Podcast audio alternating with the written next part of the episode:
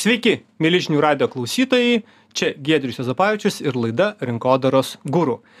Po Velykų pirmą dieną, po šventinę dieną susitinkame čia žinių radio studijai su Neringa Petrauskaitė. Labas, Neringa. Labas, Gedriu. Neringa yra UEA marketing agentūros partnerė strategė, žmogus dirbantis su rinkodara jau daug metų, su rinkodara ir komunikacija. Ir su Neringa turim pasirinkę temą ir kalbėsime šiandien apie tai, kokiagi eksperto komunikacija LinkedIn parduoda.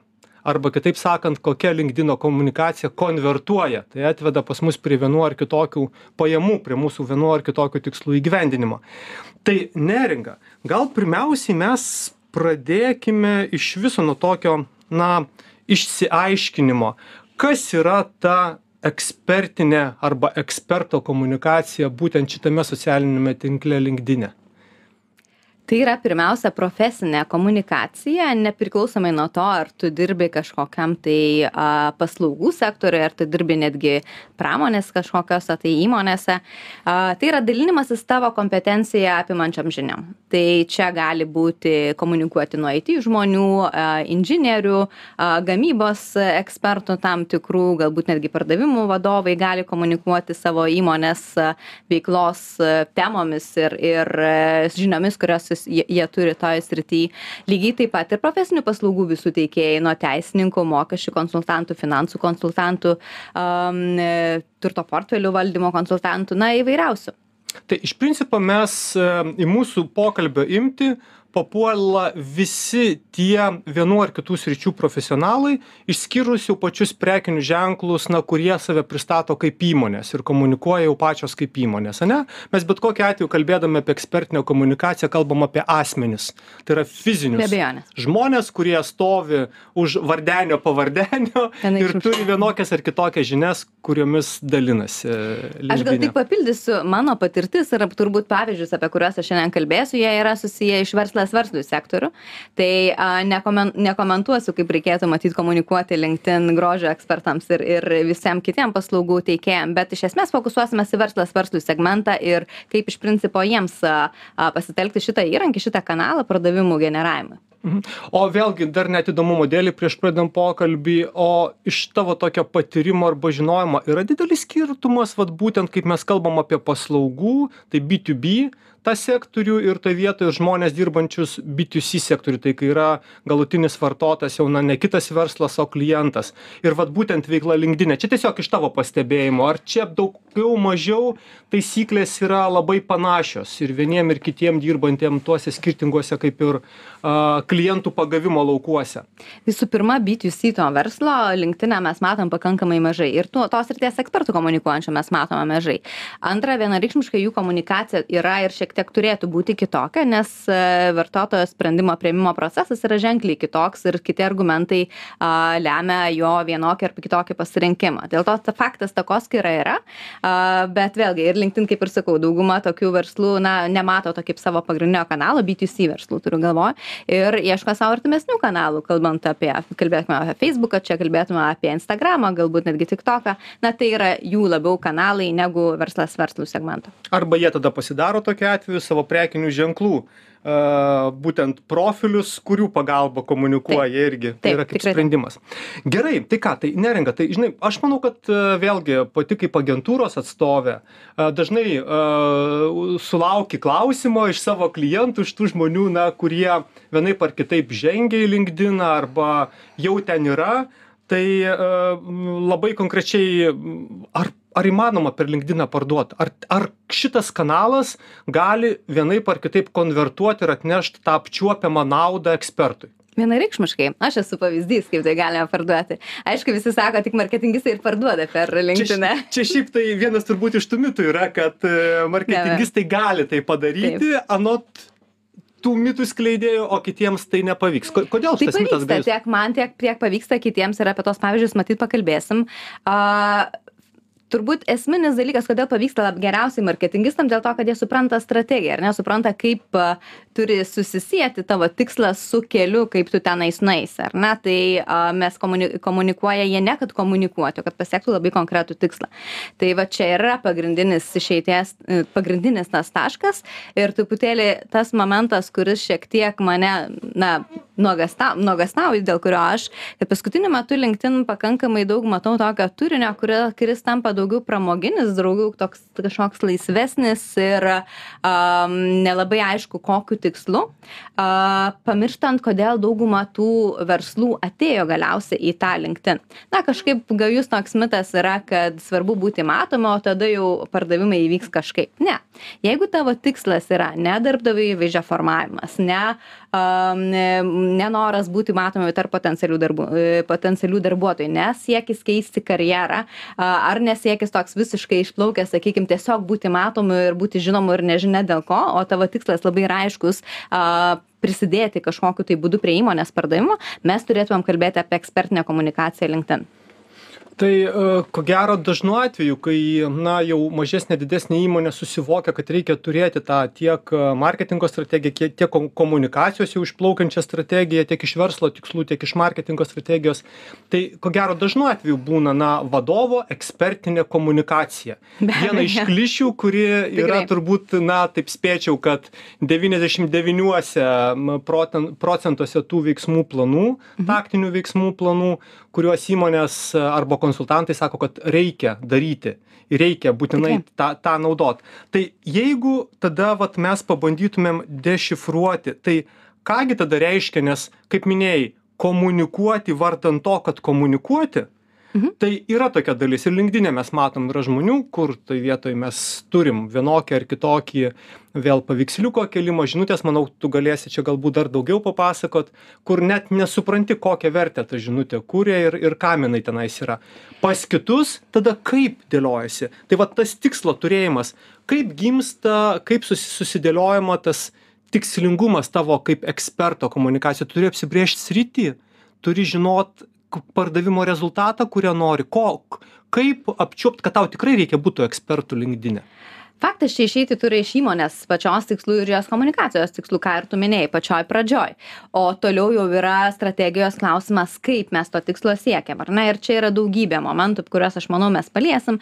Tačiau kalbant apie tą bendrąją komunikaciją kaip ir tą foną kurį tu minėjai aš visą laiką na turiu tokį juoką ir juokiuosi sakau vadinu tai katinukų komunikacija arba katinukų ne ekspertais linkedin.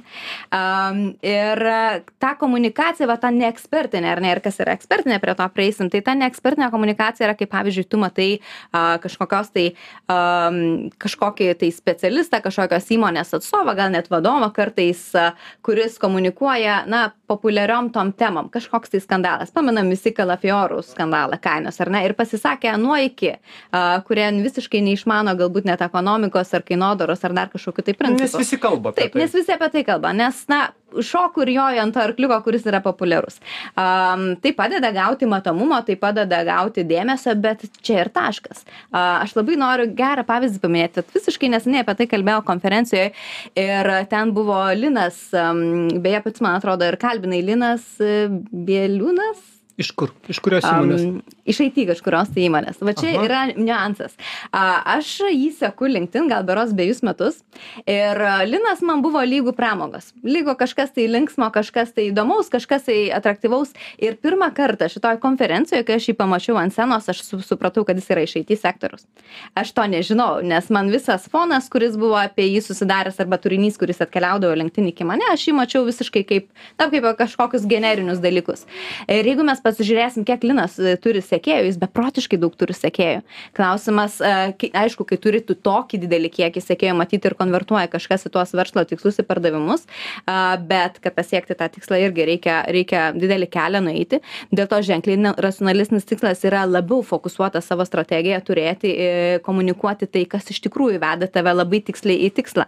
Tau nereikia visų sekėjų tau nereikia dvidešimties ar trisdešimties tūkstančių sekėjų linkedin kad iš tikrųjų tu galėtum parduoti. Ir aš esu lygiai toks nu pavyzdys. Tai uh, matai tas sekėjų skaičius labai dažnai būna ta vėlgi ekvivalentinė valiuta vertinant iš šono. Kiek uh, tu gali konvertuoti tai yra tolygu kiek tu turi sekėjų na yra vėlgi tas mitas gajus a kaip suprantu pati tą mitą dabar griauni. Tai yra sakai kad geriau turėti tikslinių bet labai konkrečių ir visiškai nesvarbu skaičius negu tą didelį burbulą kurį turi iš kurių galbūt kažkurie yra ten tavo tie tiksliniai. Vienareikšmiškai taip. E, na aš dirbu verslas verslui sektorių ane ir mūsų agentūra būtent šitam sektoriui veikia tačiau prieš kokius gerus septynerius metus aš išsikėliau labai aiškų tikslą kad aš noriu pati tapti numeris vienu na sakykim top of mind būtent teisininkams nes na čia prasidėjo mano profesinė patirtis ar b2b industrijoje tai a, aš išsikėliau su tikslą kad noriu būti noriu būti matoma am, matoma jiems e, būtent per linkedin kitus kanalus aš naudojau na kitom savo profesinėm sritim komunikuot kitom profesinėm kompetencijom bet iš principo tą kanalą sufokusavau labai aišku į tikslinį segmentą ir iš tikrųjų man pavyko aš šiandieną turiu daugiau nei septynis tūkstančius sekėjų ir tai didelė dalis turbūt apie aštuoniasdešim procentų jų yra teisininkai a, iš to viso sekėjų Taip, Iš skaičių to viso sekėjo skaičių.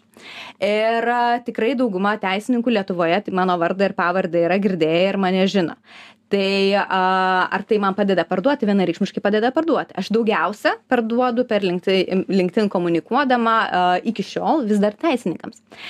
Nors jau šiandieną jau komunikuoju ir šiek tiek kitom temom, nes, na, prasiplėtė šiek tiek tikslai. apie tai mes galėsim irgi pakalbėt mieli žinių radijo klausytojai tie kurie ką tik prisijungė tiesiog jums priminsiu kad čia žinių radijo studijoj laida rinkodaros guru ir aš giedrius juozapavičius šiandien kalbinu neringą petrauskaitę we are marketing partnerę strategę ir mes kalbam apie tai kaip reikėtų ekspertam komunikuoti linkedin socialiniam tinkle kad ta komunikacija konvertuotųsi į pardavimus kitaip sakant kad jie iš tiesų galėtų siekti savo tikslų savo pardaviminių tikslų.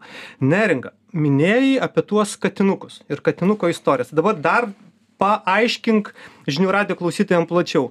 Ką tai reiškia? Tai reiškia po katinukų sąvoka palenda visas pramoginis turinys Iš principo taip, tas, kas generuoja labai greitą įsitraukimą, labai didelę sklaidą, nes algoritmas LinkedIn yra ganėtinai tai čia tam, kad- gražios fotografijos Jo, tai čia kaip ir sakau, aš tokias tris kategorijas savęs išsiskyrus, kas yra katinukų istorijos. Tai viena yra, kai a, komunikuoji, na tai, kas yra populiaru dabar, bet kokia verslo problema, politinė problema, pasisakai tais klausimais, ar ne? Tai tas visų žinių eksperto rolės prisėmim, visų, visų galų meistro arba eksperto rolės prisėmimas. Antras, tai toks blokas būtų, kai užsiemu tom vadinamom savianalizėm, savianalizėm, par paralizėm.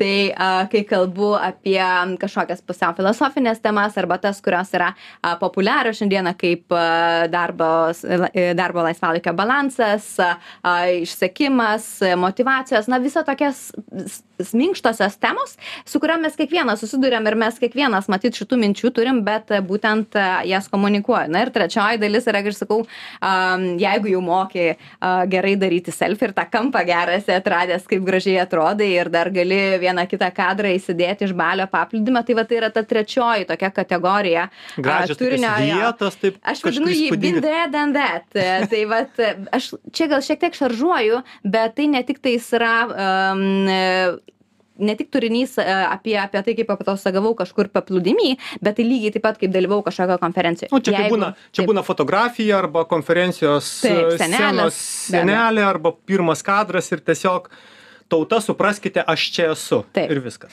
Taip, tai va čia yra tas pramoginis visiškai turinys, jisai tikrai generuoja daug laikų dėl įvairiausių priežasčių, apie, apie jas matyt nekalbėsime, bet e, generuoja daug įsitraukimo, reakcijų ir tai duoda tokį didžiulį greitą pasitenkinimą. A, reiškia, aš kažką įdėjau, aš tikau pastebėtas ir, na, to tokį įvertinimą tarsi gavau medalį. bet, bet čia yra tai, kad tu sakai, va šitas katinukų visas turinys, tai yra paglosta turbūt mūsų tą vidinį ego, tą savimylę. Mhm. Nes ant šitų vat katinukų a, turinio laikosi visi kiti socialiniai tinklai. Jeigu mes žiūrėtumėm tą patį Facebooką, Instagramą, tai ten jeigu šito TikToką tą patį, tai ten tik apie tave, apie tavo gebėjimus, Mhm. išmanumą, sumanumą, nestandartiškumą, juokelių ir taip toliau. Tai šiaip iš principo tuose socialiniuose tinkluose tai yra variklis, kad tave mėgtų, kad tave vėl laikintų, tokiu būdu uždirbama auditorija, tokiu būdu ten vyksta konvertacija. Tai tavo patarimas LinkedIn ekspertams, kad viso šito turinio iš vis nereik LinkedIn. Aš sakyčiau, jo reikia labai saikingai. Ką reiškia saikingai? A, mano Nu, skaičiavimais- procentais, kadangi mes jau čia Gerai, verslui mano kalbam. skaičiavimais ir vertinimais, ką aš matau iš savo klientų tarpo, kurie tai daro ar ne ir daro sėkmingai, aš sakyčiau, turėjo tokio turinio, pramoginio turinio, katinukų turinio, neturėtų būti daugiau nei 15 procentų viso to, ką jūs komunikuojat. Ir čia galiu labai, labai pagristai kalbėti dėl to, kad pati analizuoju ne tik tai savo skaičius, savo duomenis, bet lygiai taip pat ir savo klientų skaičius seku. Ir gal ir metas papasakoti apie mm, e, vieną pavyzdį, kuomet, e, vėlgi, kalbėsiu apie teisininkus. Am, te, e, Paėmiau du teisininkus, kurie pradėjo komunikuoti LinkedIn iš ties labai panašiu metu. 2019 metų, man atrodo, antroji pusė. Ir a, pradžioje pakankamai darė re- reguliariai, dažnu, daž, na, panašus labai nuoseklumas, e, dažnumas, e, tik tai skiriasi iš esmės turinio strategija. Vienas, du, e, vienas e, mane, kad iš esmės jam reikia tapti žinomam, jam reikia tapti atpažįstamam, na ir tada jau iš to aš kai pereisiu į tą ekspertinę komunikaciją, dėl to komunikavo ženkliai daugiau tokio turinio apie save, apie savo veiklą, apie savo um, e, kažkokius užsiemimus, apie savo užklasinės veikas, negu kažka, netgi kažkokius momentus savo šeimos dalinosi. Uh, na, tokio vadinamo, aš tą sakau vėlgi, katinukų istorijos, ar ne? Kai kurios iš jų susėdavo tiesą su profesinė veikla, bet iš principo didžioji dauguma būtų, buvo būtent tokio turinio. Tuo tarpu kitas teisininkas, nors jo profesinė sritis yra ženkliai nepalankesnė, turint galvoje, yra, kokia, yra, kokia ribota yra paklausa jo kompetencija rinkoje, jisai vis dėlto komunikavo labai ekspertiškai būtent į tą kryptį, būtent tik tai savo profesiniam temam. Na ir aišku, ieškodavau būdų, kaip tą temą pateikti šiek tiek įdomiau ir, ir e, galbūt linksmiau. Katinukų istorijų pas jį iš vis nebuvo. E, Buvo, sakyčiau, 10-15 procentų. Labai mažai. Tikrai, tikrai labai mažai. Dominavo iš ties ekspertinis turinys. Arba tas ekspertinis turinys buvo kažkaip tai linksmiau šiek tiek sudėliojamas. Tai, um, tai rezultate mes, e, aš paprašiau jų abiejų rezultatų už praeitus metus, kaip jiems sekėsi pardavimai būtent e, klientų atėjusių per LinkedIn, ar ne, kurie jos pamatė ir, ir tada pasikreipė. Tai Nes jų skirtumas. pardavimai tai turbūt yra pasirašyti kontraktai. Taip, pasirašyti įsivaizduoju teisiniam paslaugom. Taip, ir, ir atliktas jau darbas. Mes skaičiavome tik tais tuos. Okay. Mes neskaičiavome, na, potencialo ir, ir panašiai. Tai vienu atveju gal 3-4 tūkstančiai buvo eurų, kitu atveju buvo 78 skirt- e, tūkstančiai eurų. Tai tas 78 buvo, kur buvo daugiau katinukų. Ne, katinukų buvo mažiau. Katinukų buvo mažiau. Tai a, ką aš noriu pasakyti, čia galbūt vienas toks labai ryškus pavyzdys, tačiau tų skaičių aš žinau ir daugiau. Ir, ir analogiškų pavyzdžių lygiai taip pat daugiau, kur iš principo labai kryptingai ir tikslingai komunikuojant savo kompetenciją, a, tu savo tikslą pasieki greičiau. Net jeigu tavo followerių ten skaičius gali būti absoliučiai panašus. Tai man atrodo, mes labai organiškai atėjome link to pardavimų piltuvėlio ir būtų dabar labai, uh, labai logiška, jeigu vėlgi pasidalintum, tai tada kaip tas ekspertas turėtų komunikuoti, kad ta komunikacija na, būtų maksimaliai efektyvi. Jeigu mes pažiūrėtumėm nuo to, to piltuvėlio vėlgi arba piramidės, kaip mes ją bevadintumėm, a, apačios, kur tik tai gimsta va tas žinomumas, apie kurį kalbėjom, kurio bet kokiu atveju reikia mažesnio ar didesnio, siauresnėje auditorijoje didesniai ir iki pačio pardavimo. Mhm. Tai jeigu prakeliautumėm visus, visus etapus ir, ir žinomumą, ir patikimą, ir tada pasitikėjimą ir galiausiai pardavimą, tai kokios čia būtų esminės tavo išvalgos ir patarimai Tai- ekspertam. Jeigu mes kalbam apie tą žinomumą ir vat aš per tuos pavyzdžius kalbėsiu, ar ne, e, ir vienu ir kitu atveju strategija turėjo šiek tiek to žinomumo aspektų, turėjo racijos. Ta prasme, LinkedIn algoritmas veikia taip, kad iš principo, kuo tavo turinys daugiau generuoja įsitraukimo, tuo iš labiau plačiau skli- sklinda. Na, tiesiog taip yra. Ir kadangi tas e, katinukų turinys generuoja daugiau įsitraukimo ir daugiau reakcijų, e, jisai sklinda ženkliai plačiau. Tai pirmuoju atveju, na, to, kur rezultatai verslo buvo prastesni, mintis matyt buvo, kad aš tapsiu žinomu, tapsiu daugiau Kuo plačiau matomu, taip, plačiau matomu. Na ir tada, tada jau pereisiu iš sekantį etapą, iš žinojimo pereisiu iš karto į like momentą ir nepatinka momentas, nes jis be galo irgi svarbus yra etapas priimant sprendimą pirkti. Na, o tada patinka, pasitikė, žygiuoju iš sekantį etapą ir tada prieimimas, sprendimo prieimimas pirkti. Tai pirmoju atveju buvo siekiama su tuo pramoginiu turiniu iš esmės tapti ir plačiau žinomi, ir, lab, ir iš karto pamėgstami. Na, kad nes žmonės mėgsta žmonės. ar Ne, pradėkim, pradėkim nuo to. Tuo tarpu antruoju atveju strategijos skirtumas buvo toks, kad um, buvo einama tuo keliu, kad sakoma, jog patikti patinka žmonėms ne, a, ne tik tais, kas tu esi kaip žmogus, a, bet kas tu esi kaip žmogus galima matyti ne tik dėl tavo nuotraukų pramoginio kažkokio turinio, bet pajusi tavo, a, tavo šarmą, pajusi tavo charizmą, pajusi tavo asmenybę ir tavo mąstymo a, logiką, mąstymo eigą a, ir iš to, kaip tu rašai ir va čia yra be galo svarbus momentas jeigu mes kalbam ar ne žygiavimą šituo keliu ir norim nuo pat pirmo etapo pradėti siekti to per profesinį turinį kad į tą tikslą nukeliautumėm greičiau tai lab dažnas mitas yra kad mm, tai galima padaryt tik per vizualinius kažkokius arba labai asmeninių dalykų rodymus. Tačiau a, mano patarimas yra raskite savo būdą kalbėti. Raskite tą autentišką prieėjimą prie kiekvienos temos.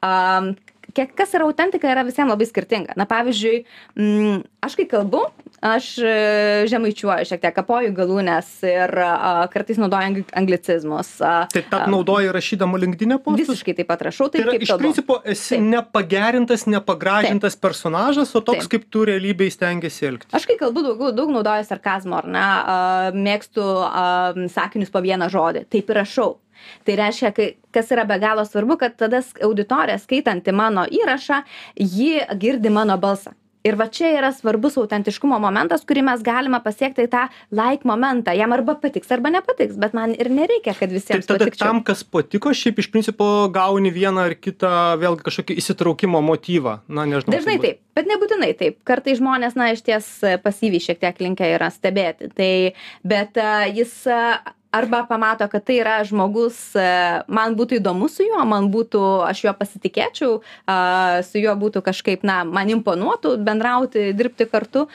Na ir galiausiai tada jisai prisimena ir, ir vėliau priema sprendimą galbūt pas save pasikreipti. A, žinai, pačiai pabaigai man taip labai įdomu vis dėlto. a, Turbūt visiems kyla klausimas, tai kiek reikia rašyti ir kiek dažnai reikia rašyti, kad vis dėlto tai konvertuotų, kad, vat, kaip minėjai, mhm. kad susikurtum tą savo, na jau savo šiuo atveju personal branding, savo asmenybės, to Taip. brando profesijos žinomumą ir kad ateitum iki tą, į to piltuvėlio viršų, kad įvyktų jau pardavimas tavo paslaugos. Kasdieną, kas savaitę, į metus gal yra kažkoks stebuklingas skaičius, bent jau minimum, kiek tai turėtų būti iš tavo praktikos. Jeigu mes darome prielaidą, kad jūs komunikuojate taip, kaip reikia komunikuoti, ar ne, ir išmokstate rašyti, e, kaip, yra, kaip reikia rašyti socialiniam tinklam, arba kaip reikia rašyti e, LinkedInui, aš sakyčiau, kad tas minimumas, apie kurį turėtumėm kalbėti, yra vienas įrašas per savaitę. Ekspertui. Ekspertinio turinio. Vienas įrašas per savaitę. Ir a, maždaug po pusę metų jūs pradėsite pajusti pirmosius rezultatus. A, mhm. Tai vieno įrašo per savaitę ir pusę metų, milžinių radio klausytojai, aš tikiuosi, kad jūs nori klausytumėt neringos toliau, bet dėja, mūsų laikas ištiksėjo, taigi rašykite ekspertinę, kurkite komunikaciją. Tie, kas nespėjo šitą laidą surasti žinių radio archyve, ten yra ne tik šita, bet ir daugybė kitų laidų, taip pat jinai nuguls į YouTube, Spotify. O aš dėkoju šiandien neringai Petrauskaitai, WR Marketing partneriai strategijai. Čia buvo rinkodaros gūrų ir aš Gedrius Jozapavičius. Susitiksime po savaitės.